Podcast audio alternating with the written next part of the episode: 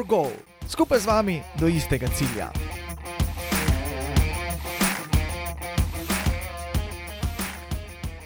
Spoštovane poslušalke, spoštovani poslušalci, športni in drugi navdušenci, dober dan in lepo pozdravljeni v četrti oddaji športnega podcasta Go for Goal. Danes se na nek način podajamo na začetek poti blagovne znamke, ampak ne zato, ker bi začeli oziroma želeli obujati spomine na začetke, ampak z velikim veseljem v današnji oddaji gostimo nekoga, ki je bil že od začetka precej intenzivno vpet v razvoj naše blagovne znamke. Danes gostimo športnika, ki je med drugim treniral plavanje, košarko, gostimo nekdanjega novinarja, športnega urednika, moderatorja, danes pa tudi lastnika športne agencije in ne nazadnje športnega navdušenca. In vse to in še veliko več je Jan Ternjak, naš današnji uh, gost. Jan, pozdravljen in dobrodošel v tem športnem podkastu. Lep pozdrav tudi tebi. Uh, Jan, tako kot sem uh, omenil, ne, um, ti si vse, to, vse te športe, nekako, ki sem jih omenil, si dal skozi, ampak začnimo mi dva na eni drugi strani. Uh, če se spomniš tistega trenutka, ko si se prvič srečal z Tadejovo idejo o športnih nogavicah, takrat se je nekako začela tvoja pot prepletati z potjo GoForGol.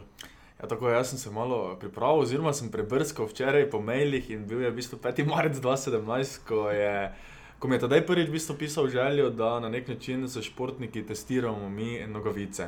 In slabo leto zatem eh, smo jih potem testirali. Prva misel je bila zagotovo nekako tako, kot si mogoče marsikdo misli, uh, joče pa je že toliko tega na tržišču. Ne? In potem uh, smo izdelek testirali, Eh, in je bil dober, in tudi ko so ga športniki testirali in ko so rekli, eh, ali pa imeli komentarje nekako v stilu, da to je pa nekaj res dobrega, ali pa da nekaj tako dobrega še niso imeli, potem je bilo to za me res tisto, ok, nogovice so res dobre. Mm -hmm. Ampak takrat si se dejansko soočil z tem, da je tudi imel idejo začeti z start-up podjetjem. Ne? Kaj je recimo tebi ta ideja nekako prinesla, kako si se ti videl v tem, oziroma si imel kakšne pomisleke glede samega start-upa in podobno? Pa bom rekel, nisem imel. Uh, mene so na nek način vedno zanimale eh, neke stvari, ki so povezane z športom. In uh, nekako so, so padale tudi za tem, kar smo v bistvu mi počeli takrat, oziroma s tem, kar mi še danes počnemo. Ne? In uh, na nek način izboljšati zmogljivost športnikom, mm. to je bil nekakšen slogan. In uh, Začetki pa zagotovo niso lahki, samo imam pač res srečo, da sem imel uh, ob sebi zmeraj nekako vrhunske ali pa res dobre uh, mentorje, uh, podjetnike, ki so že uspeli in uh, na katere se lahko tudi obrnem. In pa pri mladih, pa tistih, ki stopajo na podjetniško pot, je to veliko krat problem, ker se nimajo na nobenega obrniti, ne morejo vprašati, kako naj to naredi, kako se naj z nečim sooči. In uh, jaz sem bil pač na začetku pri tej vaši ideji, sem bil res vesel, da sem lahko pomagal z nekimi svojimi idejami, idejami videnji. Uh, in konec koncev sem se tudi naučil nekaj novega. Um, to se pa tako in tako pri vsakem projektu. Ne. Ja, drži. Reči mi, um, na začetku smo omenili, ne, da si tudi treniral kar nekaj športov, ne, plavanje, košarka. Um, kako pride mlad športnik, ne, tudi tu, ti si še vedno relativno mlad, ne, da te ne bomo žalili, slučajno ne. Ampak kako pride recimo mlad eh, športnik od ideje, da bi prenehal z enim aktivnim ali pa celo profesionalnim treniranjem športa v te druge podobne vode, ampak v vode, ki so pa vseeno nekaj povsem drugačne. Govorimo seveda o športnem marketingu in tako naprej. Nekje je bil tista prelomnica za te, ko si se odločil, da jaz grem zdaj uh, po drugi poti oziroma malo v drugo smer. Jaz sem pač res odnegdaj vedel, da me šport zanima. V srednji šoli sem imel res enega super profesorja Kikija, ki me je navdušil za delo uh, športnega uh, športne vzgoje, oziroma da bi bil pač profesor športne vzgoje. Zato sem se pač potem odločil, da grem na športno fakulteto, ki sem jo tudi opravil. Uh, potem sem se po nekem slučaju uh, srečal, oziroma prišel na Radio City, uh, ki je bila prva večja prelomnica za mene. Na radiju sem se res ogromno učil, delal kot športni novinar, kasneje sem na to še delal na televiziji, v tiskanih medijih. In na to sem se začel malce iskati, kaj točno bi počel. Uh, po izobrazbi sem bil, isto, tako kot sem rekel, profesor športne vzgoje. Imel sem res ogromno licenc za trenerja različnih športov, osebnega trenerja, za nek management. In uh, takrat se mi še iskreno ni sanjalo, da, imel, uh, da sem ukvarjal s športnim marketingom, da bom imel športno agencijo.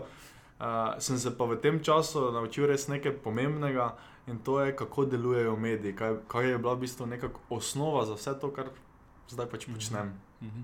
In eden izmed eh, prvih eh, športnikov, s katerimi si začel sodelovati, oziroma bolj znanih športnikov, je bil tudi uh, Sanja Bečirovič. Sanja, zagotovo ni treba posebej predstavljati, vsi vemo, kaj pomeni v slovenskem, koš, v slovenskem športu, v slovenski košarki.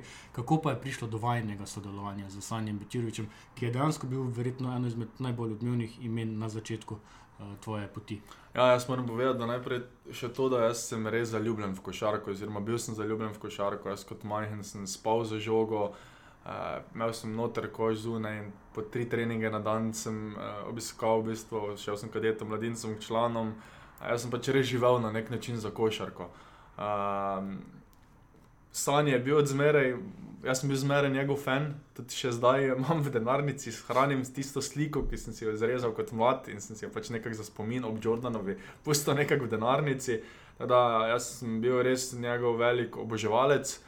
Um, in potem je bilo tako, da ko sem jaz nehal delati na radio, uh, sem delal res vse možno. In, uh, Potem je moj nekdanji košarkarski trener klical, da potrebuje nekoga, ki bi jim vodil novinarsko konferenco s Sanjem Bečerovič. In jaz, kot njegov fan, seveda sem bil na tem vesel in navdušen. In takrat se je potem začelo sodelovanje z Sanjem, na nek način s prvim profesionalnim športnikom. In, na eni strani sem se na radio naučil, kako delujejo mediji, potem pa prideš na neko drugo stran, kjer se pa moraš naučiti. Ker skrbiš za, recimo, sanje v PR, torej public relations, torej relacije z mediji, ker moraš nekoga ščititi pred mediji, uh, oziroma zaščititi na nek način igralca, kar pa je čisto druga stvar. Ne? In ker vidiš, čem se vse ukvarjajo profesionalni športniki, tudi z nekimi neprimetnimi stvarmi. Ne? In uh, vidiš, kaj, in, oziroma ugotoviš, kaj vse vrhunski šport sploh je, kaj pomeni. In vse prej kot lahka stvar. In uh, malo potem, ko sem pri Sanju začel delati. Uh, sem začel potem tudi, eh, sem prevzel njegov marketing, tudi delo pri takratni košarkarski šoli Sani.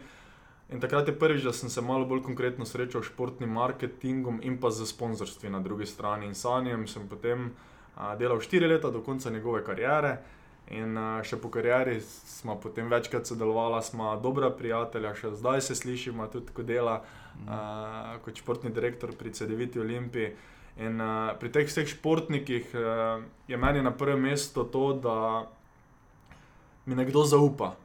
In tudi na njegovi strani sem čutil to, da mi sto odstotno zaupa in mislim, da vsi vidijo, da za nas niso samo športniki, ampak je za nas nekako v prvi vrsti človek. Ljudje zunaj ali po televiziji dosti, dosti krat vidijo tisto uh, gladiatorstvo ali pa zmaga, zmaga, zmaga, zmaga. Jaz mislim, da za nas pa ne glede kaj delamo, so za nas eh, vedno več kot to. Uh mhm. -huh. Ampak se ti zdi zelo lepo si omenil, ne, da si bil na obeh straneh medijev, rečem, torej na obeh straneh eh, nekakšne novinarske mize. In tam kot spraševalec, in tam, kjer si mogel odgovarjati, oziroma skrbeti za interes športnikov. Uh, Obenem si tudi omenil to gladiatorstvo in podobo športnikov v javnosti. Se ti zdi, da mediji in da javnost vseeno preveč nekako posplošuje, oziroma da preveč na lahko vzame vse te uspehe športnikov, se z njimi poistoveti in podobno, ne vejo pa, koliko je za tem potrebnega enega odrekanja, truda, vlaganja v sam šport. Pa jaz rekel, vsi vidijo samo takrat, ko so zmage, vsi jim ploskajo. Uh, vsi so veseli takrat, ko se zmaguje, noben pa ne vidi vsega tega odrekanja, uh, in dosti krat prehitro jih pozabijo. Recimo, jaz Če lahko en konkreten primer, jaz sem govoril veliko, tudi se slišim za Tino Pisnik, našo nekdanjo teniško igralko. Ona je pač res imela dve prometni nesreči in ona je bila pa je na poti res proti samemu teniškemu vrhu. Ne. Ko je imela prometno nesrečo, takrat so verjetno vsi ploskali, ko je imela prometno nesrečo, pa so vsi mhm. pozabili na njo. Ne. To je pač meni nepojemljivo, mislim, to je meni nekaj groznega, da, da se pač kar športnika pozabi. In to mi skušamo ravno v teh stranih nekaj spremeniti športnikom stojimo ob strani, tudi ko so slabe stvari, stva, strani, no, stvari. Mm -hmm. uh, tako da se mi zdi, to je ena taka naša dodana vrednost. No, in ko si vi začel o svojem delu malo več eh, razlagati. Da je tako na kratko opiši, ne, kaj recimo pomeni, oziroma kako izgleda sploh delo v eni športni agenciji. Pa te bom kasneje malo vprašal, zakaj me to zanima. Ne. Zdaj, res na kratko bi rekel tako. Skrbimo za vse, za športnike, torej za vse stvari izven terena. Torej, športnikom prepustimo treninge, tekme in teren. Uh, mi pa prevzemamo čisto vse ostalo. Uh -huh. uh, veš, zakaj te to sprašujem? Ne? Zato, ker uh, v medijih vemo, ne, ko se pogovarjamo o športnih agencijah, ko se pogovarjamo o športnih agentih. Več ali manj vedno na koncu pridemo do poudarjanja provizij, koliko je določen agent zaslužil, koliko ni zaslužil, koliko bi lahko zaslužil in še bo zaslužil. Ampak dejansko je športna agencija bistveno drugačna zgodba, kot je samo ta zaslužek na nekih prestopih in na nekem zaslužku samega športnika. Ne? Tako. Rekel, v športni agenciji mi res delamo vse, razen ne skrbimo za prestope igralcev.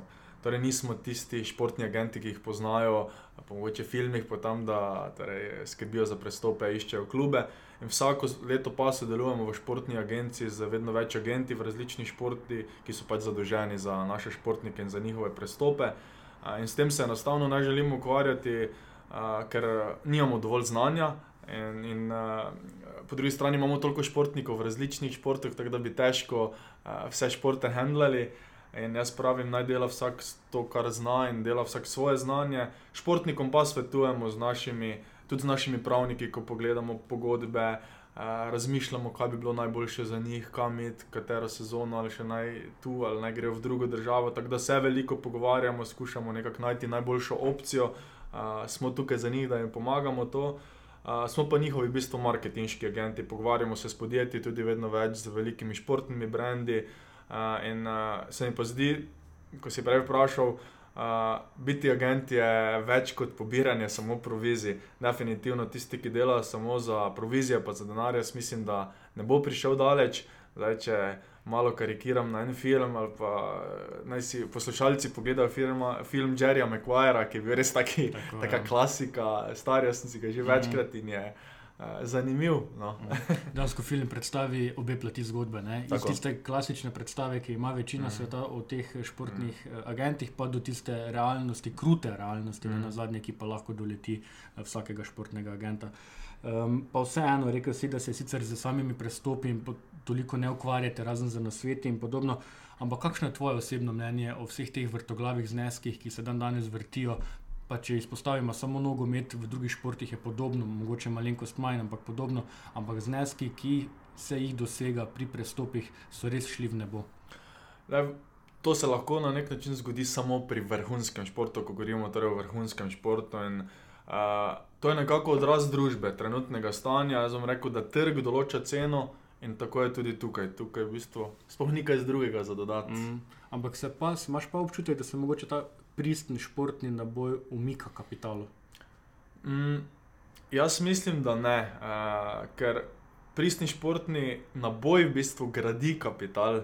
Uh, in če nimaš tega naboja, potem nimaš vrednosti. To je na nek način kot podjetje. Šport je na nek način enak podjetništvu, če ni tega, ni, mm. ni mhm. kapitala brez denarja, ki je gonilo vsega, tudi v vrhunskem športu, danes ni, ni nobenih aktivnosti. Uh, Jan, obrnimo se zdaj malo še na dva zelo odmevna športna kampa uh, in sicer na kamp Gorana Dragiča in pa na kamp Markoša Tavaresa.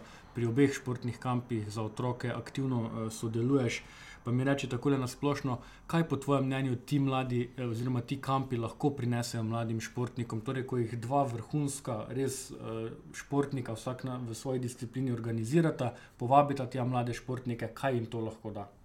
Ja, res je, jaz sem bil res sam izredno, izredno vesel, ko smo začeli sodelovati z Goranom Dragičem, smo spet nazaj pri košarki, eh, ki je pač meni res ljuba. Eh, letos smo sicer zaradi eh, Eh, teh razmer, ki so bili primorani skupaj z Goranom narediti, oziroma z Goranom fundacijo narediti prvi spletni kamp, tudi prenova igrišča, katere planiramo, so se malce predstavile. Na drugi eh, strani pa smo letos prvič celoti prevzeli tudi Tavaresov kamp in tako bi rekel, če bi bil kot majhen, jaz sam lahko recimo na kampu Sanja Bečerovica ali pa zdaj v tem primeru na kampu. Gora na Dragiča bi tako pod narekovajo, pa do v, v, malo v nezavest, ne? uh, ampak ne, Zdaj, če šalo na stran to, da otroci se lahko družijo s svojimi vzorniki, jaz mislim, da je res, res neprecenljivo. Pa naj se še zdaj to tako mm. klišejsko sliši. To, da sta recimo Goran in Marko z otroci, da, da se je tam spi, da ima, eh, da, ima da, da v bistvu oba dajeta otrokom na svete. Eh, da se lahko otroci učijo od res tako dveh velikih oseb, športnikov. Uh, jaz mislim, da to otrokom daje veliko, veliko dodatno energijo, in pa željo, da se še naprej ukvarjajo z športom. Ja, pa otroci dobijo s tem neko izkušnjo, ne? kar je pa najbolj pomembno, je pa v bistvu, ko otroci uživajo ne, pri tem. Ker dan danes veš, kako je ne, ti računalniki, telefoni, otroci so č- cel čas pač vpeti v to. Ne, in uh, fulje je pomembno, da jim damo nekaj, uh, kar smo mi v mladosti imeli, ne, se pravi tisto izkušnjo s športom. Uh, Pa še da, Pa po drugi strani je pa tudi moje mnenje, da je zelo pomembno to, da se s tem ruši tista meja ne? med nekom, ki bi želel postati vrhunski športnik in med vrhunskimi športniki. Torej, ravno za temi kampi se pokaže ravno to, da tudi ti športniki, ki so dosegli veliko, veliko že na svoji športni poti, so ne nazadnje samo ljudje, ne? ki so enkrat v preteklosti bili na istem začetku, kot so ti mladi športniki, ki imajo zdaj seveda vzornike v njiju dveh. Ne? Ja, pa če bom rekel, da je Goran, Goranu ni potrebno to. Ne. Točno, E, jaz bom rekel, v takem NBA ritmu, ko ga ima on s tolkimi tekmami, in da prideš potem tudi v Slovenijo, ker imaš tisti mesec dni, recimo odmora, in da teden, dober teden, dva. Ker vseeno še pred tem kampom so razne aktivnosti za sponzorje, pa s podjetji, s katerimi se sodeluje, da ti pol daš, da še nisi, recimo, za družino, za svojimi otroci, uh, mislim, kapo dol za to. Jaz, jaz, sem, jaz sem vedel, pač, kaj je kempe, jaz sem skozi spremljal stvari, ampak ko si ti tam, pa ko res vidiš, koliko je on vpleten v to, meni je to res wow. Ja, ker včasih imamo občutek, da ti vrhunski športniki posodijo imena, torej da neke vrste marketinško potezo naredijo, potem jih pa tam ni. Ne? Ampak pri obeh, koliko lahko spremljamo, ona sta res aktivno vpeta v samo dogajanje celoten teden, ko to poteka. Ne? Ni samo imena. Ne, ni tudi za recimo spletni kamp, ko smo imeli za cel svet, ne, mislim, da ni bilo jasno ljudem, da lahko Gorana Dragiča vprašujejo ljudje, karkoli si želijo. Smo govorili o mehučku, smo govorili o tekmah, mislim, vpraševali so ga take stvari. In, in Goran je res eh, odgovarjal in delal na svete, in delil svoje izkušnje. Mislim, tega vseeno, ko sem jaz bil manjši, ni bilo. Ne, in, Mhm. Nisem mogel kaj takega početi, poslušati, me se pravi, meni je bilo to, jaz bi res povedal, verjetno Mhm. ne zaveš, če bi lahko kaj takega uh, doživel. Ne. No, Mimo grede, da je zdravo, ne, ker si se vključil. Moram reči, da tudi Tadej je Ja. sodeloval z nami na kampu uh, Markoša Tavaresa, tako da uh, se res vesel, da smo tudi tukaj sodelovali z vami. ja, res je bilo enkratno. Ja, tako ne, sej dejansko, ko govorimo o teh poslanstvih, obeh, ne, tako Go for Goal kot tvoje Proelium eh, športne agencije, o kateri bomo zdaj malo več spregovorila, mislim, da se lahko hitro najdemo v tem poslanstvu, no, ko zagotavljamo oziroma skušamo omogočiti uh, nek doseganje ciljev tistim, ki si bi mogoče sami to teže uh, omogočili oziroma jim vsaj pomagamo z enim uh, majhnim kamenčkom v tem uh, mozaiku. Pa ravno ko smo govorili o tvoji uh, športni agenciji, um, Prej si že rekel, kaj vse lahko športna agencija, oziroma kaj vse vi nudite športniku, ki je v, pod vašim okriljem. Uh, Na tvoji spletni strani, oziroma na spletni strani športne agencije, lahko preberemo vsa ta različna področja, na katerih daješ, oziroma dajete poudarek. Pa se bomo zdaj malo sprehodili skozi to. Pa reči, eh, tako kot med prvimi je navedena tudi podoba, oziroma tudi vloga aktivnosti na družbenih omrežjih. Kako zelo so družbena omrežja dan danes pomembna na športni poti eh, enega mladega, nadebudnega športnika. Žal danes pač res eh, brez njih ne gre. Ne. Toliko stvari se je preselilo na splet oziroma na družbena omrežja, na nek način tudi um, novinarske konference še dobesedno že delajo preko tega, eh, kak je, eh, kam bo šel recimo igralec v drugi klub, se pove preko družbenih omrežij. Ogromno časa, v bistvu mi tudi z ekipo namenimo eh, delo na družbenih omrežjih, na drugi strani učenju, kako se mora športnik predstavljati, kako se mora obnašati na družbenih omrežjih. In konec koncev veliko financ, res, sredstev pride preko tega naslova tudi. Mm. Imaš občutek, da se je ta podoba uh, športnika preselila, rekel, iz enih teh klasičnih medijev povsem na družbena omrežja, torej da se podoba aktivnosti športnika večinsko že ustvarjajo na družbenih omrežjih in manj v teh klasičnih medijih, z klasičnimi intervjuji in podobno. Pa jaz mislim, da še, še vseeno je skupek obeh, torej tisti klasični mediji, pa ta družbena omrežja, ampak enostavno, če zdaj pogledamo, vsi smo na telefonih, tako je že lahko dosegljivo. In uh, se mi zdi pa, da vseeno prvo ljudje, tudi sam, če zdaj gledam, če sam potrebujem kakšno informacijo, grem na družbena omrežja. Ne. Prvo gremo na družbena omrežja, potem grem mogoče pogledati neke portale, uh, časopis, ne vem, pre, prelistati kakšen šport ali karkoli.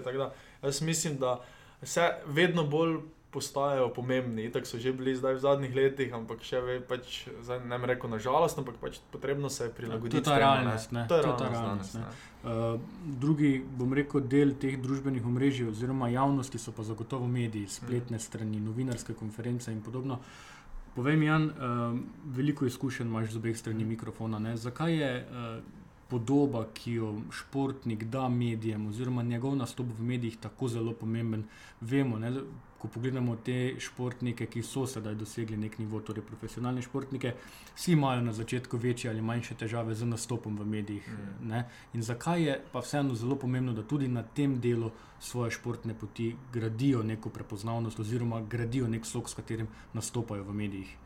Zdaj, do, dobra športna znamka zdaj zagotovo pomeni nekoga, ki se dobro znajde v medijih. Zdaj, ko govorimo o medijih, govorimo o tej širši publiki, pa občinstvu. Ne? Torej, komunikacija z mediji niso samo televizija, radio, čas, časopis, kar si pač morda nekdo misli, to so tisti standardni mediji, o katerih govorimo, ampak je eh, celotna komunikacija, predstava, kako daš nekomu roko, vizitko, kako se predstavljaš na spletni strani, konec koncev uh, tudi na družbenih omrežjih. Ne? To je vse, bom rekel, nekako en skupek.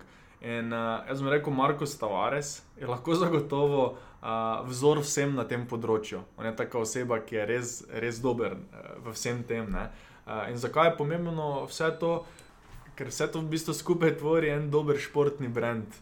Uh, in če si dober brand, si zanimiv uh, potem za sponzorje, za klube, za navijače, vse je tako lepo prepleteno. ne. In Mhm. konec koncev, ko nas tudi ogromno športnikov kliče, ja, mi bi imeli so, sponzorja, ne? super. Uh -huh. Ne? Ste dober brand, vas poznajo ljudje, nič ne bi naredili, bi pa vsi imeli denar, pa sponzorje. Tako da vse je to res, res prepleteno. Ne? Uh -huh. um, no, tole, ravno ko si omenil um, to prepletenost, ne, uh, se mi zdi, da na marsikaj se dan danes pri mladih športnikih še vedno pozablja, ali pa se le počasi daje podarek. In ena izmed takšnih podarkov je zagotovo tudi sama psihološka priprava športnika ali pa psihološka podpora športnika, tako pri zmagah, kot tudi uh, pri porazih. Ti v svoji agenciji tudi temu vidiku daješ kar velik pomen. Mm, Tako je, ja, v bistvu, tak, če čisto na kratko, mi v bistvu skušamo športnikom pomagati na družbenih omrežjih in tako se reko, pri športni psiholi, psihologiji, pri terapeutih, fizioterapeutih. In pogovori s podjetji, v bistvu celotni, vse, kar v bistvu obsega to izven terena, mi pokrivamo. In eden izmed takšnih stvari je v bistvu tudi športna psihologija. Področje ali pa priprava, mentalna priprava športnikov in področje, ki je zagotovo uh, vse bolj pomembno, ali pa mogoče se vedno bolj govori. Tudi uh, v preteklosti je bila prisotna, ampak se ni toliko omenjalo. Uh, ko nekdo reče, ker dosti krat slišimo, da je glava je vse, to ni res. Ne. Zdaj, Če je bila glava vse, bi, ja- pa bi jaz uh, imel glavo tako močno. Kaj to pomeni, da je potem jaz na 100 metrov zmagal, Mm. recimo teko na 100 metrov ne bi. Ne. Ni glava vse, je pa res ogromno. Jaz bom rekel, najprej je trening, ne? najprej je tisto, kako nekdo trenira na terenu. In je pa na drugi strani psihološka priprava del tega treninga. Tako kot je fitness, raztezanje, terapije, fizioterapevtki na zalog, vse te stvari so nujne. Ne? In vsi naši športniki, s katerimi sodelujemo, tudi delajo na tej psihološki, mentalni pripravi, torej z športnim psihologom. Uh, tako da ja, uh, se strinjam, da, da bo tudi v prihodnje uh, pomembno, čim, mislim, ogromno ali pa dosti časa posvetiti tej pripravi. Da mogoče če še ena stvar, katero sem se spomnil, recimo tenis je taka mentalna igra. In ko sem bral zdaj eh, biografije eh, o Rafaelu Nadalju, Nadalu poleti, je lepo rekel, vsak zna udariti teniško žogico, ne? tista mentalna ali pa mentalna priprava pa je tista, ki potem loči tistega zmagovalca, pa ločijo tistemu, kdo bo na koncu dobil dvoboj. Ne? Mm. Mislim, vsak zna udariti? Mm. karikiral je malo, ampak dobra, dobra primerjava. Ne? Mm. Eh, Še, ena iz, še eno izmed takih področji, ki se jih tudi v vaši eh, športni agenciji lotevate, oziroma na svete, ki jih dajete mladim eh, športnikom, je tudi sam zdrav način življenja, ki vključuje tudi zdravo prehrano in podobno. Ko smo prej govorili, da se psihologija počasi pojavlja oziroma postavlja kot ena izmed pomembnih vidikov eh, pri treningu mladega športnika, je hrana in zdrav način življenja prav tako, če ne še bolj pomembno, uh, kako mladi športniki sploh dojemajo te vaše nasvete, oziroma ali si sploh nekako dajo dopovedati, da je ravno to, ta zdrav način življenja, tudi eden izmed pogojev za uspešno uh, športno pot. Tukaj imam res tako krat, kratek, se strinjam z tem, kaj je naš osebni trener. Ali je v bistvu dejal športnikom, če voziš Ferrari, boš tankal boljše ali slabše gorivo. Mhm. Pač najboljše možno. Ne? In jaz pravim, tako športniki, če želijo biti najboljši, morajo v bistvu jesti, dati v sebe in najboljše, in v bistvu se držati najboljšega možnega zdravega načina življenja. Spravim, oni so Ferrari in če pač želiš voziti Ferrari. Ja, ampak tukaj pač, eh, to, kar si rekel, ne, je to dobro, ker sodelujete tudi z, z, z pač strokovnjaki, ki delujejo na področju prehrane, ker pač vsako telo, vsak športnik rabi neko drugo prehrano, vsakemu pač ustreza nekaj drugega. Ne. Jaz sem naprimer bral tudi uh, knjigo Novaka Djokoviča. Mhm. On je imel takrat v enem obdobju ful težave uh, z igro. In je pol ful spremenil pač na podlagi posvetov s svojimi strokovnjaki, prehrano in uh, čist spremenil. Ne, pač, vem točno na kakšno prehrano je šel, mislim, da čist brez ugljikovih hidratov nekaj podobnega. In je uh, se pol rezultati kazali, ne? tudi sama igra se je izboljšala, ne? tudi vzdržljivost med igro, ne? tako pač je ful pomembno. Ne? Ja, jaz se sicer ne spomnim. Eh, Bral sem knjigo, bral sem to posebno knjigo njegovo o športni prehrani, kaj bi to on, tudi tisto njegovo na drevesu, ko meditira, pa vse eh, zanimiva zgodba. Zdaj ne vem, če je šel točno s hidratov dol, ker morajo tenisači ogromno, ogromno, ampak ta odkud si rekel, ja. Uh, on je tudi spremenil, jaz mislim, da vsako telo je zgodba za sebe, zato jaz tudi na nek način ne delamo dosti z grupami, za, za klubi, ker mi pač to ni eh, nekakšna želja pa jaz sam vidim pač res delo z posameznimi vrhunskimi športniki in vsakemu nekako. Uh, vsak je li za sebe, zgodba za sebe, vsak ima pri nam svoje poglavje, ga odpremo in v bistvu z vsemi strokovnjaki, ki so okoli, vedno pač skušamo najti najboljše, kar se za, v bistvu za tisto osebo, za tistega športnika pač spodobi. No. Zdaj, v zadnjem, v zadnjem odgovoru dveh si že kar nekajkrat omenil različne strokovnjake, s katerimi mm. sodelujete v vaši športni agenciji. Uh, to izobraževanje športnikov, ne samo torej, da jim nudite podporo, o kateri smo se že pogovarjali, ampak tudi, da jim nudite izobraževanje na različnih področjih, tudi to je zelo pomembno uh, pri tem, kako bodo oni potem šli po tej poti, uh, svoji športni poti. Ne? Pa ja, izobraževanja so pomembna na vseh področjih. Jaz sem rekel, ko sem bil eh, posrednji ali pa po faksu, rekel, eh, posrednji je bilo tako, jaz pa nikoli več ne bi slovenščine potreboval. Pridem na radio, ker sem se bogo dodobal, lepo slovenščino, krativec, strivec, naglaševanje. Uh, uh, mi res želimo z vsemi temi strokovnjaki pač na vseh področjih zagotoviti uh, najboljše pač možne uh, stvari, tako, tako kot so recimo finance, pogodbo sponzorji. Zdaj nekdo, ko pride uh, uh, k nam, recimo, mu vedno pregledamo, kakšne pogodbe ima sponzorji, kakšne. Uh, s kakšnimi podjetji sodeluje. In jaz bom rekel, da tu je veliko, veliko preveč izkoriščena strani podjetij. Podjetja pač uh, si mislijo, da je športnik tako ne ve, da imamo to noter, on se za, ne vem, za neki izdelek razvija, objavlja, ne vem, kaj vse dela. In uh, tukaj, tukaj, bom jaz rekel, je malo prodajanja, neke megle, no? kar je meni pač res škoda. Jaz pač razumem športnike, oni nimajo časa se s tem ukvarjati in tukaj smo mi res striktni. Tudi vse večkrat na vrata marsikaterega podjetja potrta, potrka, kak naš predstavnik ali pa odvetnik, saj brez naše vednosti se, se veliko krat izkoriščajo športni brendi. Konec koncev mi pa se trudimo in športniki gradimo ta športni brand in v tujini je to dosti bolj strogo, striktno, pri nas pa je to tako še vedno malo Teksas in a, na tem področju si res želimo tudi širše, širši trg ali pa širšo javnost izobraziti, da pač temu, da se ne gre tako. Mm -hmm.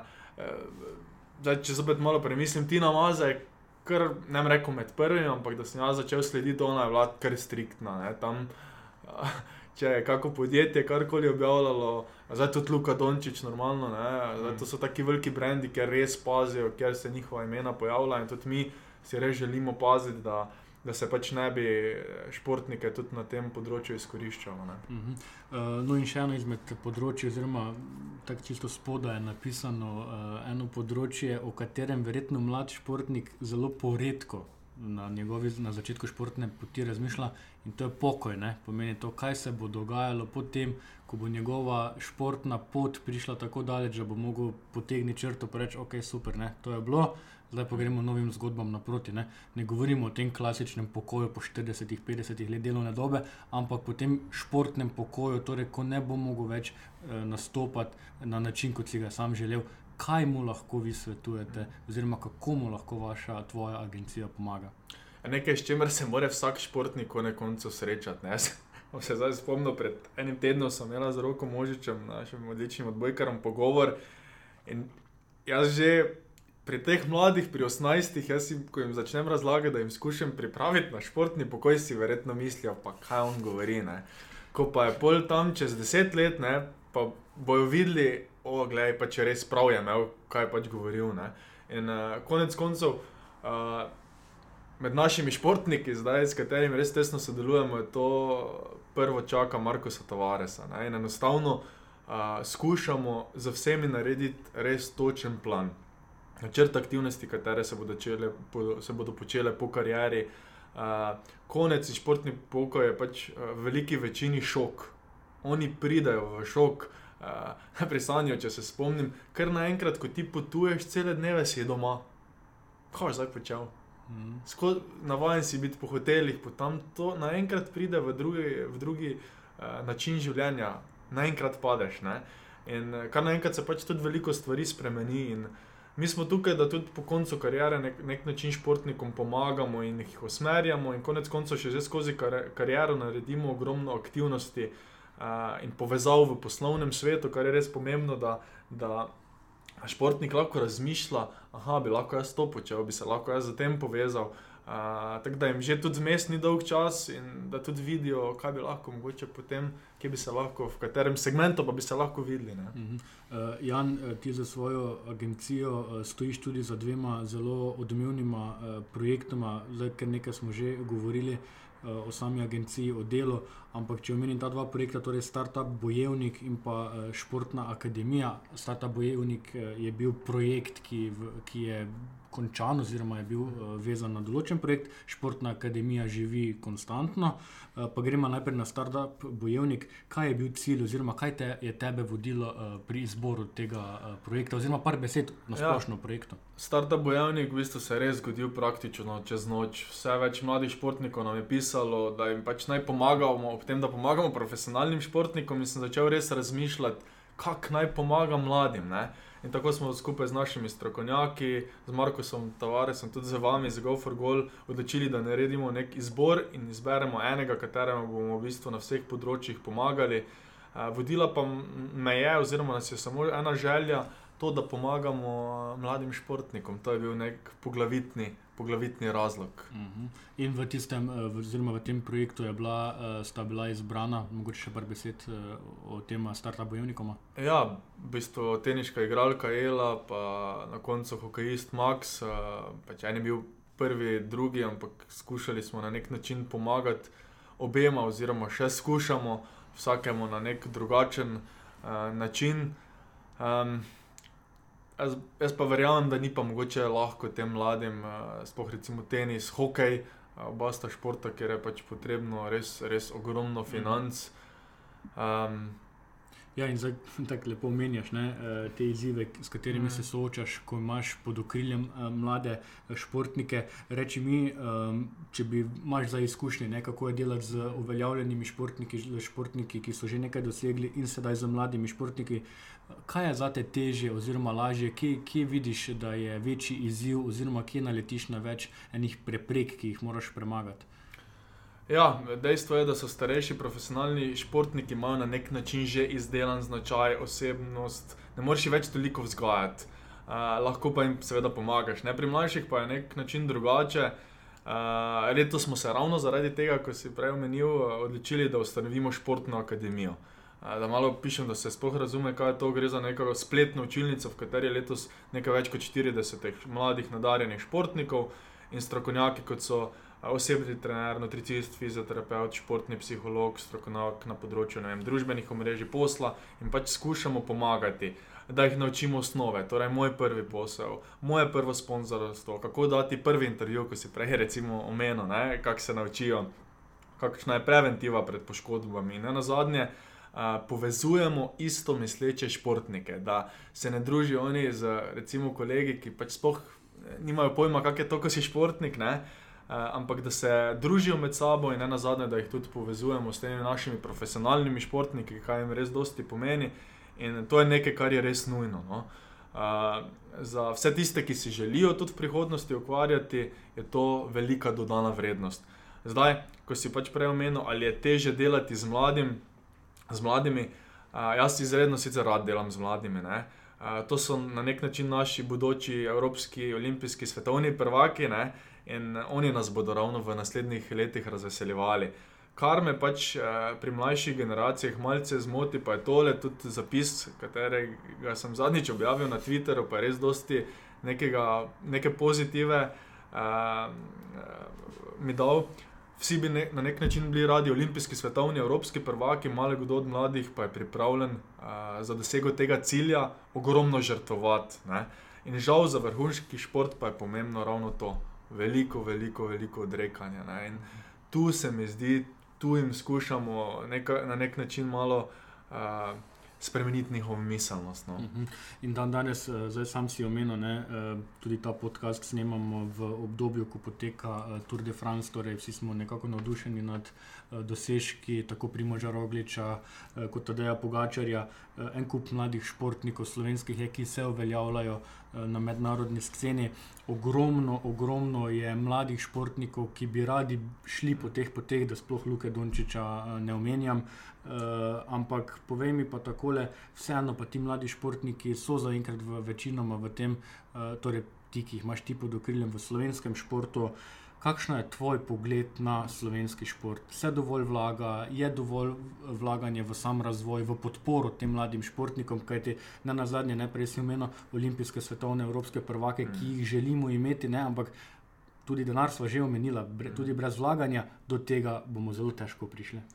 Zdaj, če se najprej nanesem na Tour de France, dobro istočnico sem jim dal. Uh, ko smo bili tudi prej pri Twitteru, ravno je športni odvetnik, eh, gospod Bolcar, kar znan v, v Sloveniji, je lepo napisal po turu, ko sta bila naša dva eh, v vrhu, da je skrajni čas da, za neko javno debato glede načina financiranja naših, torej naših športnikov. Ne?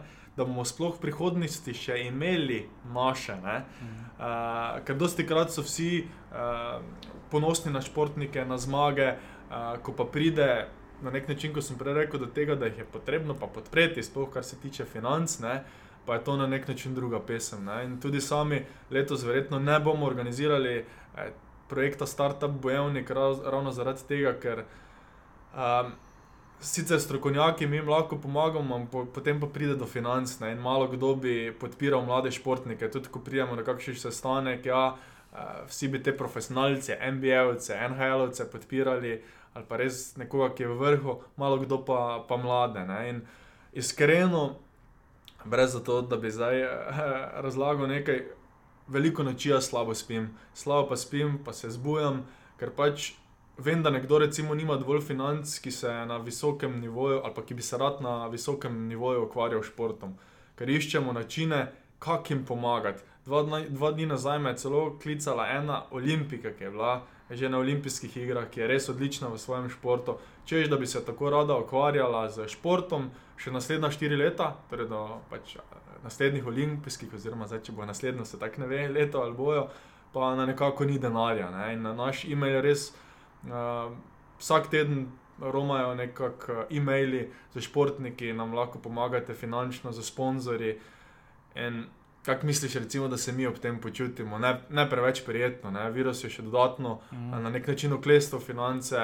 In jaz mislim, da se bo zdaj pač res, res mogel najti način, a, da se bo več vlagalo v šport ne? in da bomo tudi v prihodnje lahko, kot je prej snoveno, navijali vsi skupaj za naše. Mm.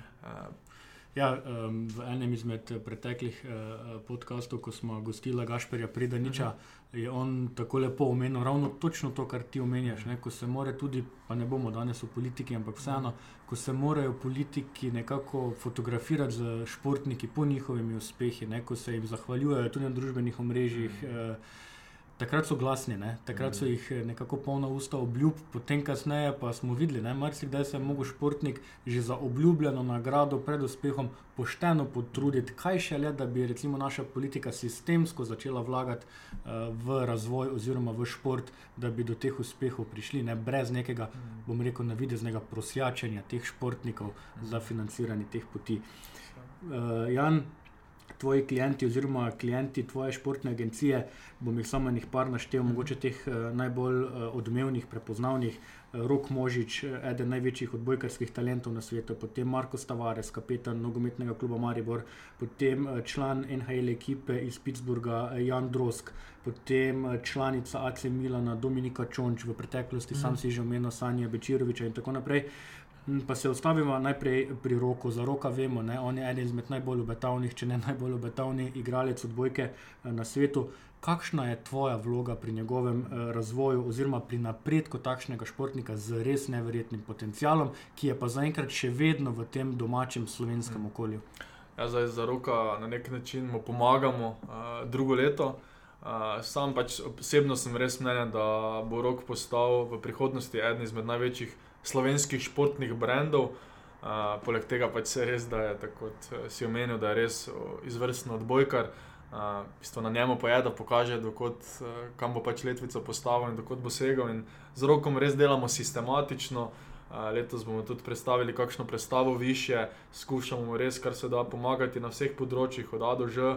Je pa tako uh, na terenu, kot izven, on res, res ogromen potencial. Jaz tudi, ko se spomnim, ko sem slišal Jaz sem rekel, tri leta preden smo začeli sodelovati, prvi intervju na Radio uh, City uh, z njim. Mislim tudi, kako on govori, kak, kakšna predstava je. Pravim, on ima res vse, kar je potrebno, da nekdo, da nekdo uspe. No. In, uh, uh, Na njem pa je, da se pač, da pokaže, da bo pač segel. Tadej rok je, oziroma z rokom načrtujemo tudi pogovor v eni izmed prihodnjih oddaj GoForGol podcasta. Je pa rok tudi eden izmed zadovoljnih uporabnikov nogavic GoForGol.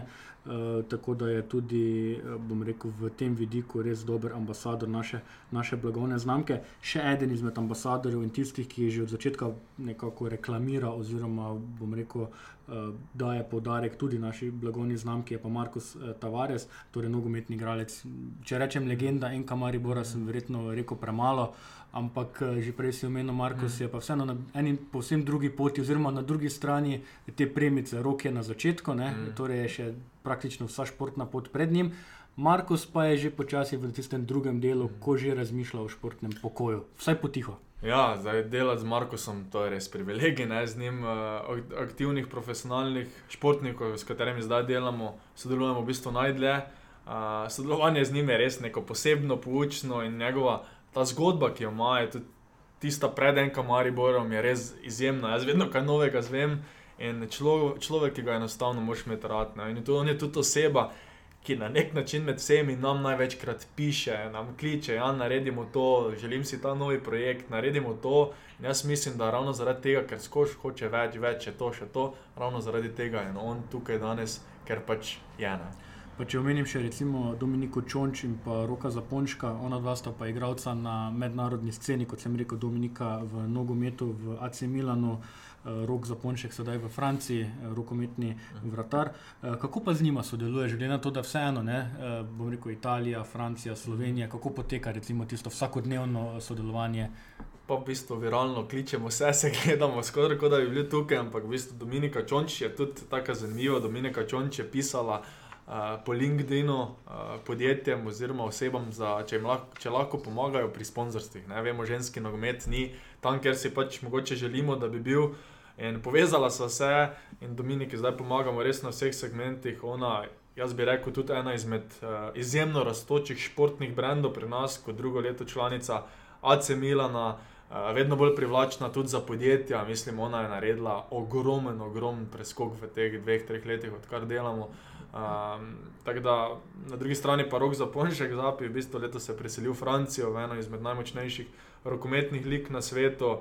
Uh, on je kot uh, Goldman, ima res še ogromno, ogromno karijere, tako da je v bistvu na nek način na začetku, zdaj želel si je Francijo.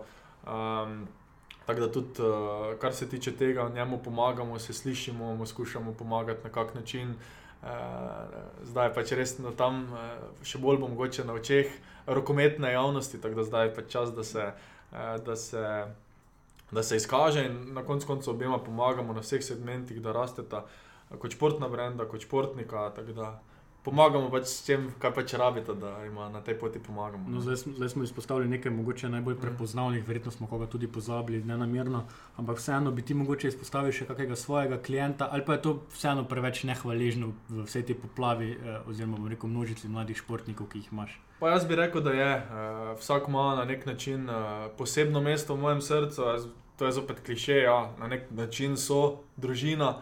Rekel, ena moja mentorica je rekla, je vsakega poslovnega partnerja, pa klienta, kot svojo ženo, ne, se, ali pa se obnašaj do njih, da, da pač skrbiš na nek način. Tako da na nek način uh, skušam tudi sam to se držati tega. Moje vrata ali pa telefon jim je vedno na razpolago in oni to čutijo. In jaz mislim, da to na koncu največ šteje. No, za vse tiste, ki pa vas mogoče zanima, kateri uh, klienti, kateri športniki so del športne uh, agencije Proelium, obiščite njihovo spletno stran, tam gor imate tudi vse informacije, kako stopiti v stik s športno agencijo. Uh, nekako, Jan, tako ko počasi zaključujemo ta, oziroma zaključujemo ta pogovor. Povej mi, kam te pot vodi naprej, kakšno vizijo imaš ti, vseeno lahko rečemo, da zdaj to športno agencijo na noge si jo postavil, temelje imaš dobre, ampak zagotovo pa želiš, oziroma imaš neko vizijo razvoja same športne agencije tudi naprej. Pa športna agencija, jaz bom rekel, sicer od 2012 nekako je bil prvi klient, ampak v zadnjem letu, dveh smo res postavili, da res, res delamo, vse več nas je v ekipi, vse več strokovnjakov. Um, smo pa še vseeno v nekem začetku. To, da je športna agencija, še recimo Slovenija, pa ni, ni točno jasno, kaj je to, kak način pomagamo, tako da smo na nek način nekaj novega. Sploh recimo Akademija je letos požela res veliko pozitivnih komentarjev, tudi nekaj idej v Bila so bila, da bi jo eh, širili, tudi v Zagrebu so nek, nekako vpraševali, če bi mogoče lahko tam, ampak jaz sem res eh, nekako trdo na tleh, eh, želim res korak po koraku. Želim si pomagati obstoječim klientom športne agencije, na drugi strani pač tem mladim športnikom, katere imamo sedaj in za katere je potrebno poskrbeti.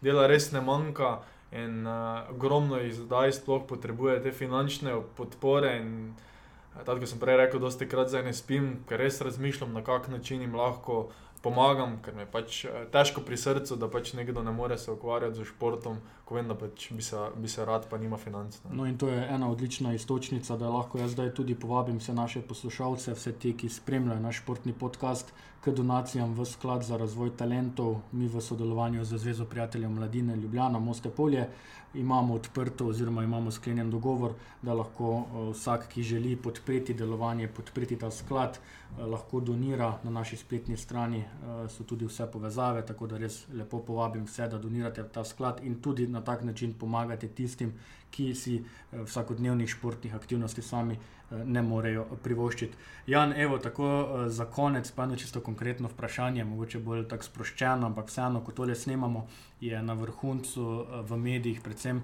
ta saga o prestopu Mesija iz Barcelone v en drug bogat klub, sedaj se ne ve, ali bo ostal ali bo šel, glede odkupne klauzule in podobno. Ampak v prvi vrsti je, so izpostavljeni torej njegov oče kot zastopnik in pa zainteresirani klubi, ki si želijo njegove usluge, ter Barcelona, ki ga bo ali pa ki ga ne bo spustila v tem trenutku, to še ne vemo. Ampak kakšno je pa tvoje mnenje, tvoje mnenje o tem nekakšnem? dobesedno resničnostnem šovu, ki ga lahko z dneva v dan spremljamo v teh prestopih. Pa ne samo v Mesiju, tudi v preteklosti je bilo en kup, ne omenjam Neymarja in podobno iz Barcelone v PSG. Podobno. Zdaj, ker si ravno omenil resničnostni šov, jaz mislim, da to ustvarijo medije. Uh, jaz bi rekel tako. Jaz Sicer vem, kaj se dogaja, mogoče res preberem, ampak niti vsega, tako mogoče po naslovih. Uh, bom pa rekel tako: poglejte si dokumentarec o Mesiju, ker pač res dobro govori o očetu, zakaj ob njem vsa odrekanja, katera je on dal skozi. E, mediji pa mogoče tudi malo izrabljajo to situacijo, da, pač, da se berejo čim več njihove strani. In jaz res rečem, pogledajte si, oziroma predlagam, pogledajte si ta dokumentarec ali pa preberite njegovo športno biografijo, sam jih zbiram, sam jih res prebiram, koliko se le da, ker se iz tega več naučiš, oziroma se naučiš ogromno koristnih stvari, ne pa uh, kot je recimo v, tej, v tem primeru, v tej sagi o prestopu. Tako da uh, jaz gledam v bistvu na Mesija kot izjemnega športnika. Uh, In me toliko ta saga, prestop ne zanima. Super, evo, Jan, najlepša hvala ti za tvoj čas, hvala za vse odgovore, hvala za sodelovanje v tem uh, športnem uh, podkastu, predvsem pa ti hvala za vso podporo, ki jo tudi si in jo nudiš blagovni znamki Go for Gold. Naše sodelovanje se vsekakor nadaljuje v različnih oblikah in se vsi skupaj tega izredno veselimo. Ja, res je. Jaz sem pač full vesel, da sem spoznal Jana. Uh, Pa tudi, da je on spoznal v znamki Go for Gold neki potencial, pa da je on bil tisti, uh, ki mi je res dal neko brco vrit, uh, da je pač znamka začela rasti. no. Tako, včasih pač vse, kar potrebujemo, je ena konkretna brca vrit, zato tako pravim vsem, ki nas poslušate. Ne pozabite, kot pravimo v Go for Gold, sledite svojim ciljem. Jan, Tadej, hvala za danes in kmalo nasvidenje. Hvala tudi vama in lepo zdrav. Lepo zdrav.